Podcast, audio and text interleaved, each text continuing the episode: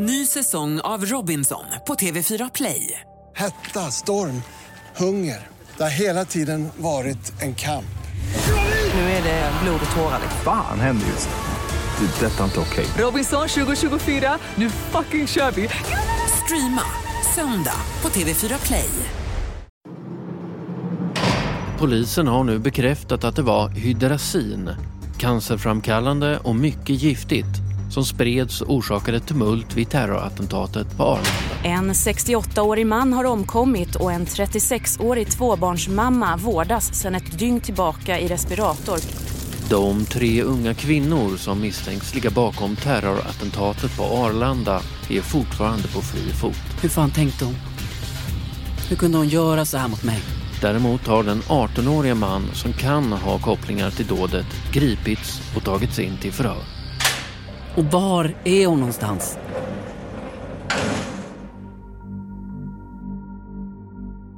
Du lyssnar på Tystad. En dokumentärserie i åtta delar om Elise Björk och Arlanda-attentatet. Jag heter Milad Bondesson. Elise var min flickvän. Först nåddes jag av samma hemska nyhet som alla andra svenskar. Terrorattentatet.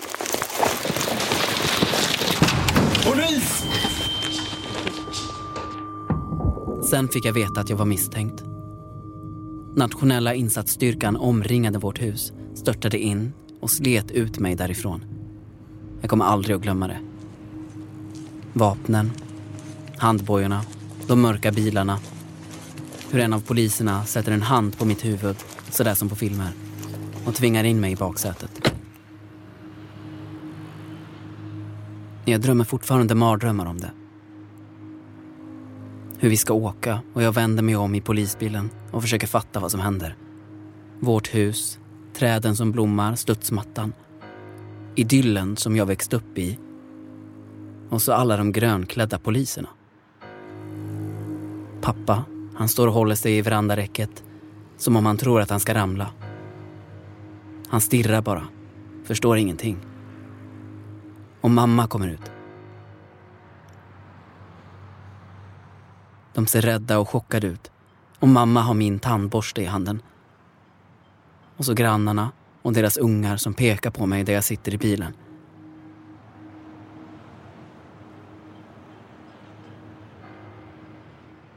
Det är lätt ett av de värsta ögonblicken i mitt liv. Vad hade jag gjort? Vart skulle vi? Och när skulle jag få komma hem igen?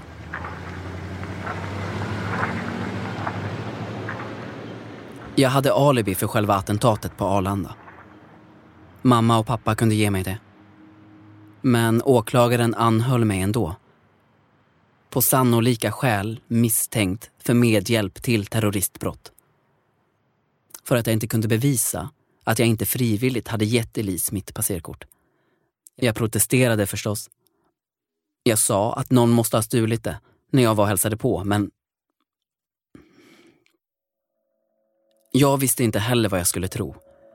Det var så galet att min Elise var inblandad i något som hade dödat människor. Och att hon hade dragit in mig i det. Jag var skakad, äcklad, chockad och jag skämdes. Fast jag inte hade gjort något.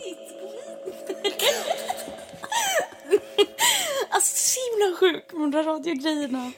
Du ger aldrig upp. Vad ska du ens ha ett ljudet till? jag vet inte. Spara. Spara. Ja, vadå? Jag tycker du skrattar så gulligt. Mm. Spara det. Jag ska, jag ska spara allt. Du är störd. Eller kär. Och störd. Hur länge hade Elise planerat det här? Kunde jag ha stoppat henne? Jag ryser när jag lyssnar på gamla ljudklipp ibland. Är det äkta här? Eller låtsades hon redan då? Mm, vad vi gör? Ja. Om tio år? Har vi eh, till exempel barn då? oh, det är så gulligt att du vill det så himla mycket. Du är knäpp, Milad. Fejkade hon här? Mm, vi jobbar med miljöfrågor, tror jag. forskar och sprider det media. Varför ser du ut sådär? Nej, men det låter bra. Men igår så sa Ja, men vi... eller så har vi en gård med massa djur. Eller jag vet inte. Men, men liksom... Skitsamma. det kommer bli bra. Jag längtar. Jag var så sjukt naiv när det gällde Elise.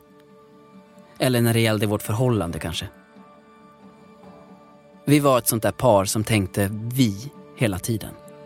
Och vi hade varit tillsammans så länge. Hon var min första riktiga flickvän. Det hade aldrig slagit mig att det skulle kunna ta slut. Det fanns liksom inte i min värld. När hon skickade sms från Ekskogen och skrev att det inte funkade längre så tänkte jag att det var för att hon var deppig och bodde på ett SIS-hem. Att det gjorde förhållandet svårt för oss. Men där skulle hon ju inte bo jämt. Det behövde inte vara kört för det. Hon skulle ju må bättre snart. Hon skulle ju komma hem och då skulle allt bli lättare. För mig fanns det fortfarande hopp. Det var vi och framtiden var vår. Att gå från det läget till att försöka greppa att Elise kanske hade rotat i min plånbok när jag hade varit och hälsat på henne. Att hon stulit mitt passerkort. Och använt det på ett sätt som nu var på väg att förstöra båda våra liv. Det var väldigt svårt att ta in. Och det slutade ju inte där. Det fortsatte. God morgon, det här är Ekot som rapporterar andra dygnet efter attentatet på Arlanda.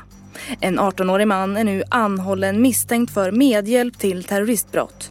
Mannen arbetar på flygplatsen. Polisen är mycket förtegen men bekräftar att de fått in uppgifter gällande de tre unga kvinnor som tros ligga bakom attentatet. De är sedan tidigare kända av polisen och misstänks vara samma personer som rymde från en låst avdelning på ett ungdomshem igår. Sökandet efter dem har intensifierats nu på lördagskvällen. Häktningsförhandlingen var helt sjuk. Så allvarlig, liksom.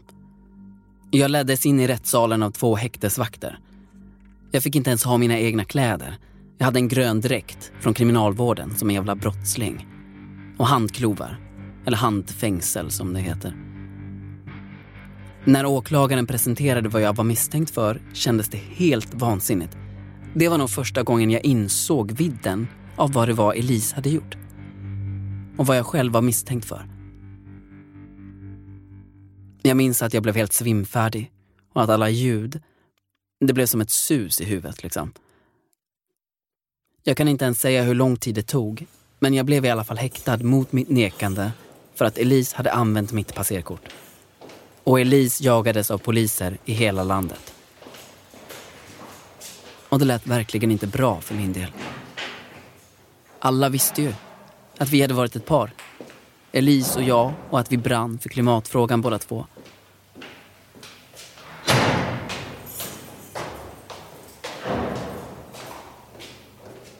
Och så ett borttappat passerkort på en säkerhetsklassad arbetsplats. Det är ju inte som att slarva bort sin husnyckel precis. En badge, eller ett passerkort, är personligt och registrerar exakt när man går in och ut någonstans. Om man tappar det är man skyldig att anmäla direkt så att det snabbt kan spärras. Jag fattar att alla tänkte att vi planerat och utfört dådet tillsammans. Jag var chockad. Och livrädd för hur det hela skulle utvecklas. Hur skulle jag kunna övertyga polisen om att jag var oskyldig? Hur lång tid skulle det ta? Och jag hade panik över att vara inlåst just då också. När Elise var försvunnen med de där galna tjejerna. Ja, men vi var ju också i chock. Det här är Karin, Elise mamma. Nästan ett år efter attentatet, när jag ber henne tänka tillbaka på de där dygnen. Vi hade inte sovit. Vi hade varit ute och letat någon stopp efter att Bosse hade ringt. Han sa inte särskilt mycket om de där andra flickorna. De har ju tystnadsplikt, men han var skärrad. Och det var så konstigt att Elise inte hörde av sig. Vi pratade med alla vi kände och polisen och Missing People. Det var på fredagen alltså. Och sen kom det här med Arlanda på lördagen. Och då kom det en helt annan sorts poliser hem till oss och började fråga ut oss. Alltså de måste fullkomligt ha tappat förståndet, så tänkte vi. Ja, så tänkte vi. Och vi blev så arga när vi hörde att du hade angett Elise.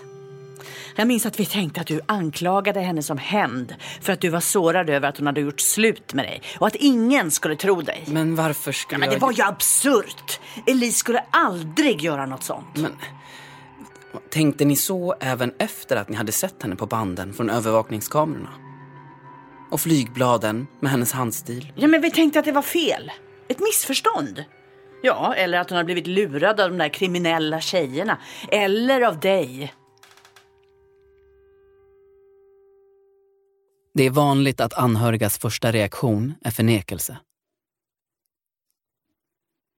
Och jag förstod ju inte heller. Det var ju bara det att konsekvenserna blev så mycket mer påtagliga för mig. Jag blev belagd med fulla restriktioner på häktet. Vilket betyder inga besök, telefonsamtal eller brev. Inget wifi, tv eller tidningar. Jag fick lämna ifrån mig mobilen och personliga ägodelar och fick information om rättigheter och skyldigheter. Om rutinerna på häktet, mattider och möten med min advokat. Men allt som snurrade i min skalle var tusen frågor till Elise. Hur fan tänkte hon? Hur kunde hon göra så här mot mig? Och var är hon någonstans? Jag minns att jag såg ut genom ett fönster på intagningen. Att det var en helikopter som hovrade över stan. Jag tänkte att det var polisen som letade efter henne. Hoppades. Bävade. Och den här nya verkligheten började sjunka in i mig. Det skulle vara så här nu. Det var sant. Vi två, Elise och jag, hade gått från att vara ett gulligt tonårspar hemma i Sigtuna till det här.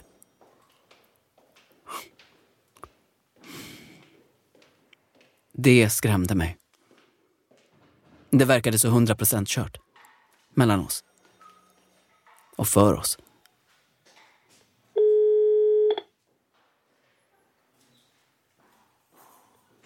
Jag fick ringa ett avlyssnat samtal efter häktningsförhandlingen för att informera mamma och pappa och be dem frånvaroanmäla mig i skolan tills vidare. Och då var det en sån där inspelad telefonröst innan samtalet kopplades fram som sa att samtalet kom från en intagen inom kriminalvården och att mottagaren skulle trycka fyrkant om den ville acceptera och prata med mig.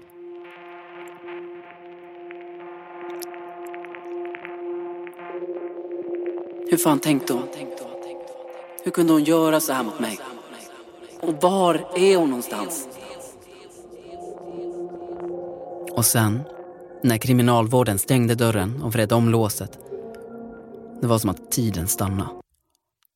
På allt annat än ett mysigt sätt. En cell på häktet, det är tre gånger fyra meter. Med tjocka väggar och en dörr som slukar alla ljud. En väggfast säng, ett bord och en stol. Ljusgula vävtapeter, spräcklig plastmatta. Inte så mycket mer. Där fick jag vara. 23 timmar om dygnet. Och det var kanalplast, eller vad det heter, för fönstret. Så man såg inte ens ut. Jag kunde se på ljuset om det var natt eller dag, men Förstår ni hur psykande det är att inte ha sin mobil och inte ens kunna titta ut genom ett fönster? Att inte få höras med sin familj eller någon i sitt vanliga liv och samtidigt inte ens se himmelväder, kanske en fågel eller en gren. Var femte minut sa hjärnan till mig att kolla mobilen, som jag inte hade. Och varje gång det hände kände jag mig helt bortkopplad. Så otroligt ensam, liksom. Och så stirrade jag på kanalplasten och försökte se någonting. Vad som helst. Det var precis så där som Sanna hade beskrivit det. Alltså vad ska jag säga? Isolering är som att bli levande begravd. Va? Exakt. Ingenting för töntar. Som om vi inte redan visste. Jag är 100% en tönt. Det räckte med en halvtimme för att mitt psyke skulle börja skära ihop. Hur fan tänkte hon? Hur kunde hon göra så här mot mig? Och var är hon någonstans? Det var så abrupt också. Från totalt kaos kring mig med terrordådet och insatsstyrkan och gripandet och förhören till det där. Helt avklippt och bortkopplad. Och jag visste inte ens hur länge jag skulle vara isolerad. Skulle jag vara häktad i några veckor? Ett år? Min advokat kunde inte lova någonting. Det enda hon hela tiden upprepade var förmodligen i två veckor. Men det kan bli mycket längre.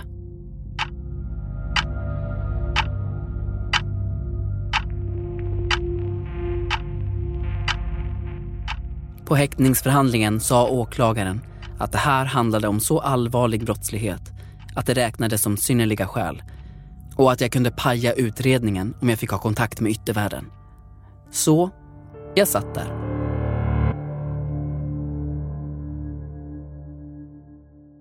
Ny säsong av Robinson på TV4 Play.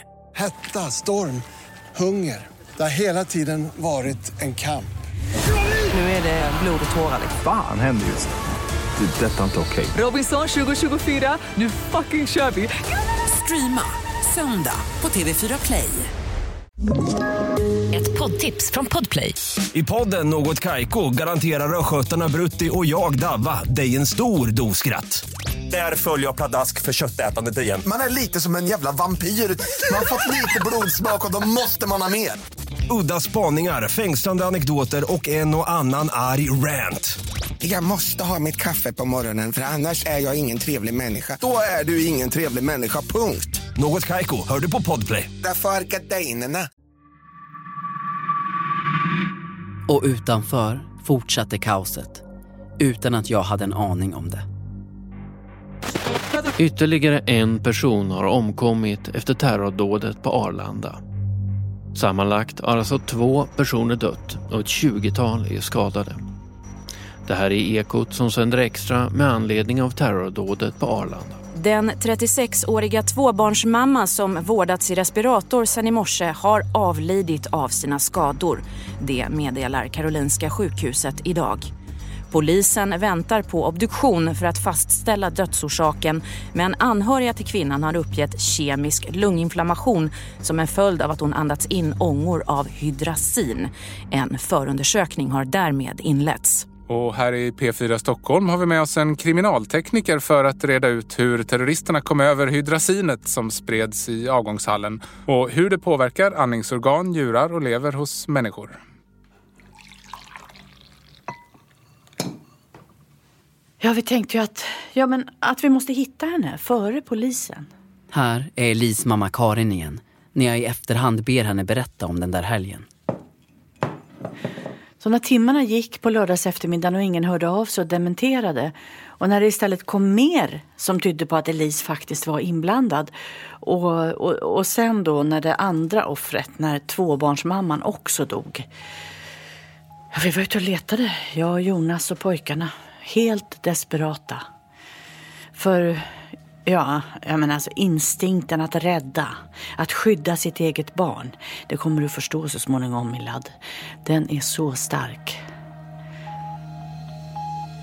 Vi frågade alla vi mötte, vi visade bilder av Elise, vi sprang upp och ner i trapphus och vi var på så många konstiga olika ställen.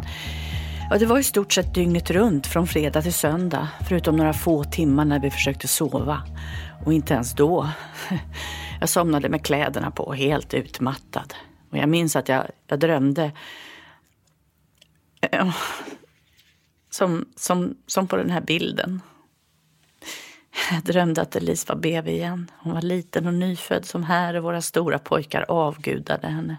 Och fast vi hade vagnen så bar jag henne ofta i, vad, vad heter den här, eh, babybjörn under jackan. Och drömmen var så stark. Jag kunde nästan känna babydoften och värmen från hennes lilla kropp där i sömnen. Jag drömde att vi gick ombord på en färja. En som skulle ner i Europa någonstans och jag gömde henne i bärselen, smugglade ut henne och flydde landet för att rädda henne. Men så blev det ju inte.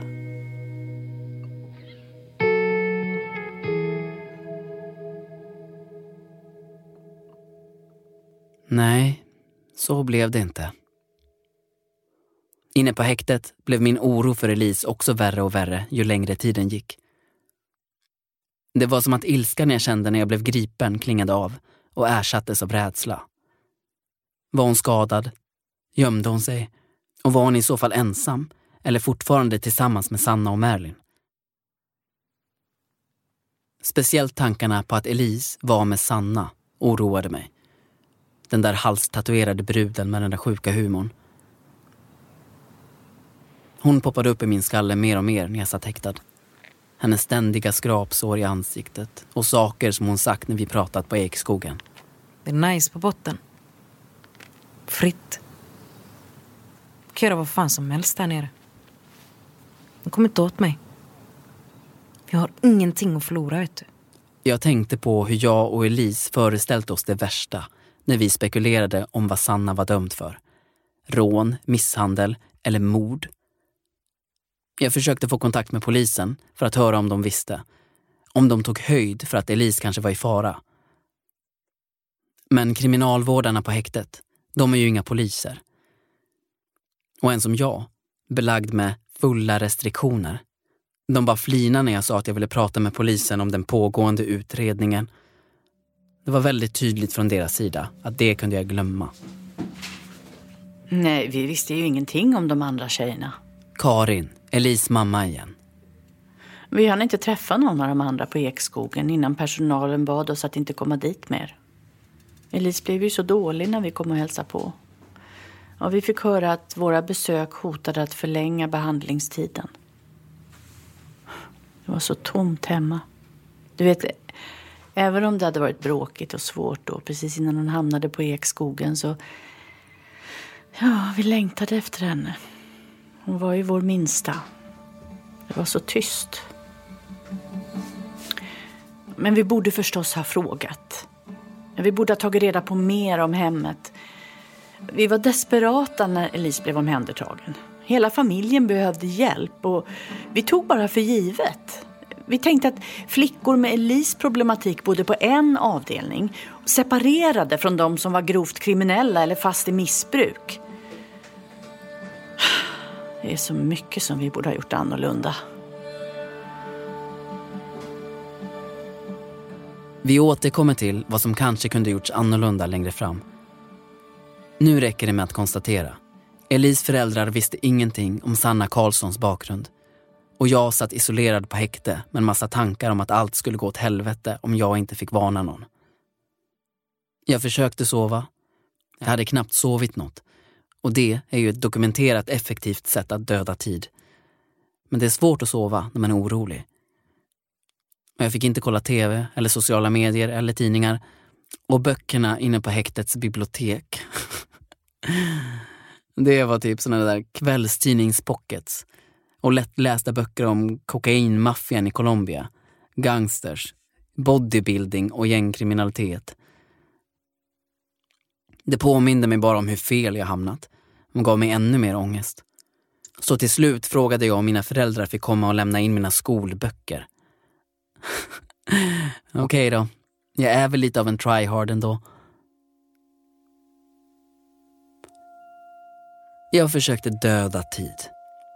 Tänka på annat än Elise. Överleva mentalt. Om jag tyckte det var jobbigt den där första månaden när Elise bodde på Ekskogen. Eller när hon bråkade med Sanna eller var på isolering. Tiden på häktet var tio gånger värre än det. Oron över Elise också. Och den här gången hade jag ingenting att fly in i. Att distrahera mig med.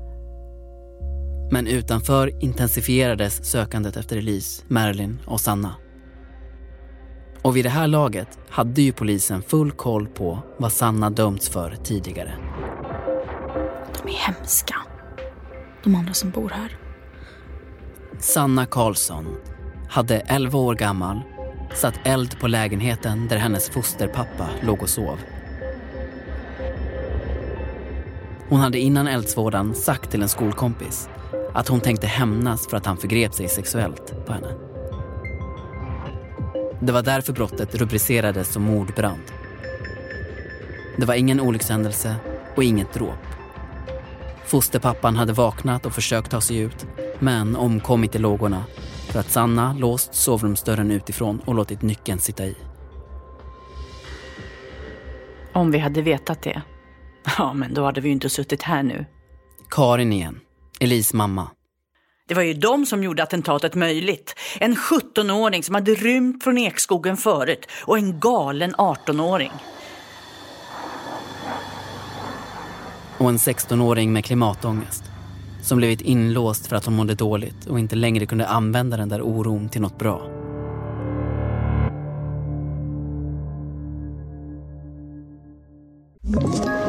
Ett poddtips från Podplay. I fallen jag aldrig glömmer djupdyker Hasse Aro i arbetet bakom några av Sveriges mest uppseendeväckande brottsutredningar. Går vi in med hemlig telefonavlyssning och, och då upplever vi att vi får en total förändring av hans beteende. Vad är det som händer nu? Vem är det som läcker? Och så säger han att jag är kriminell, jag har varit kriminell i hela mitt liv men att mörda ett barn, där går min gräns. Nya säsongen av Fallen jag aldrig glömmer på Podplay. Jag undrade länge hur Elise tänkte direkt efteråt. Om hon var stolt eller missnöjd just då. Om det blev som hon hade velat. Och om hon tyckte att flygresenärerna, som hon brukade säga, fått smaka på sin egen medicin. Eller om aktionen inte gått enligt plan. Och jag undrade om hon såg löpsedlarna. Om de var någonstans där de kunde läsa nyhetsflasharna. Om hon hörde vittnen från Arlanda som beskrev kaoset och skräcken. Anhöriga, poliser, miljöaktivister, klimatförnekare, förståsigpåare och folk på Flashback och alla långa arga trådar om tonårsterroristerna. Jag vill knappt tänka på hur hon mådde när hon insåg. Och så Stockholmstrafiken. Du som kör E4 söderut i höjd med Södertälje, håll åt sidan för ett stort polispådrag. Ja, då kan vi rapportera att det kommer uppgifter från en campingplats i höjd med sjön Aspen i Södertälje. Ett stort räddningspådrag efter vad som tros vara en brand pågår i området. Jag satt inlåst i cellen utan minsta aning om kaoset utanför. God eftermiddag. Det här är Ekot. En av de unga kvinnor som misstänks ligga bakom attentatet på Arlanda greps i morse i samband med en våldsam brand på en campingplats strax utanför Södertälje. Det var boende i närheten av campingen som slog larm efter att de sett brandrök. Kan du berätta vad du såg? Vi, vi var ute och red och då kände vi att det luktade brandrök. Och det är inte så många som kampar så här tidigt på säsongen. Så då, ja, då red vi dit och kollade. Såg du skadade människor? Ja, vi såg, vi såg att det brann som fan i en husvagn och då larmade vi, då ringde vi 112 och då kom polisen direkt och den här insatsstyrkan och spärrade av vägen. Eh, Det var som att de hade stått i en buske och lurat. Det, alltså så snabbt kom de. Branden inträffade den 5 maj på morgonen ett knappt dygn efter attentatet på Arlanda. Men jag fick höra om den först fyra dagar senare, på torsdags eftermiddagen. Då satt jag i cellen och skrev till Elise. Jag hade sysslat med det i flera dagar vid det laget. Det var rätt långa, rätt desperata texter som jag inte visste om jag någonsin skulle visa henne. Jag antar att jag behövde skriva ner dem för att sortera bland mina tankar. Och så avbryts jag av nycklar i låsen och att dörren till min cell öppnas. Och kriminalvårdaren som står där berättar att det har kommit in ett åklagarbeslut att jag ska släppas ur häktet med omedelbar verkan. Jag minns att jag knöllade ihop texten och tänkte, skönt, nu behöver jag den inte längre. Nu kommer jag snart kunna prata med henne. Och att jag frågade vad som hade lett fram till det här åklagarbeslutet. Hade de fått tag i Elise? Hade hon erkänt att hon snott passerkortet? Eller vad hände där ute? Men jag fick fortfarande inga svar. Jag fick bara följa med kriminalvårdaren till, vad hette det, där jag kommit in och kvittera ut mina kläder och grejer. Och sen kunde jag gå.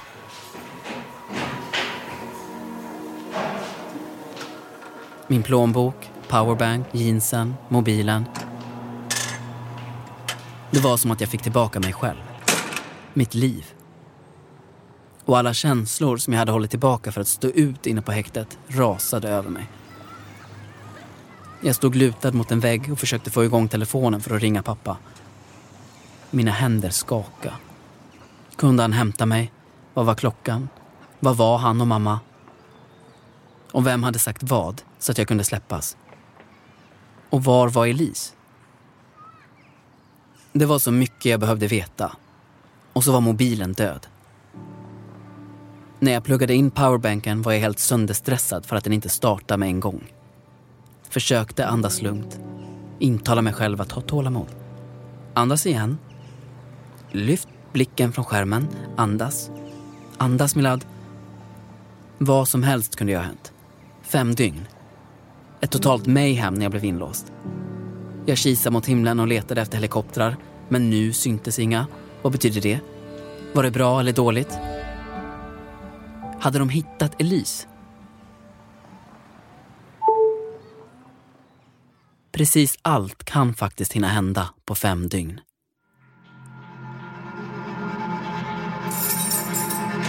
Folk är såna jävla as. Titta på mig! Och den döda har ännu inte identifierats. fan hade vi gjort alltså?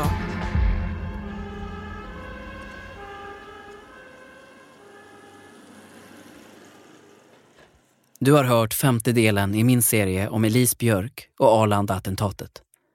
Jag heter Milad Bondesson.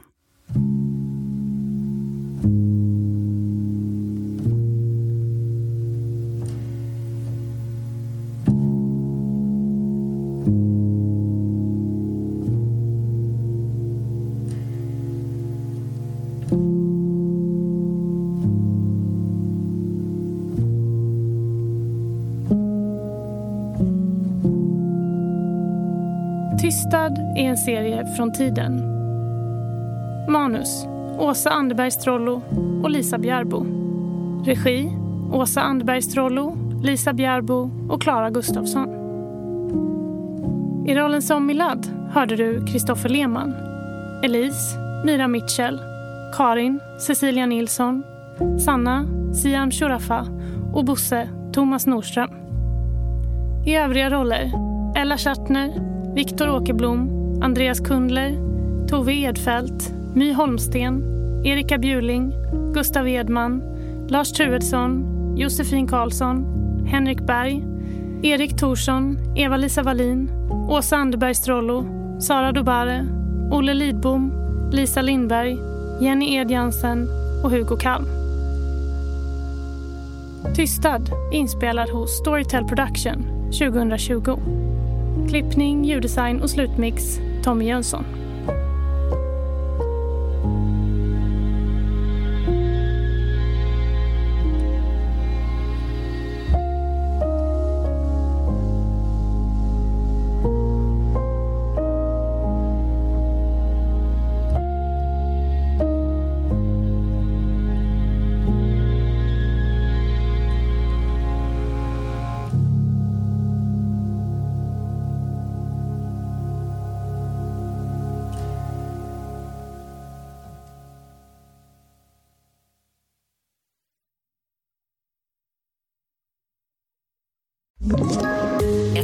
Poddtips från Podplay.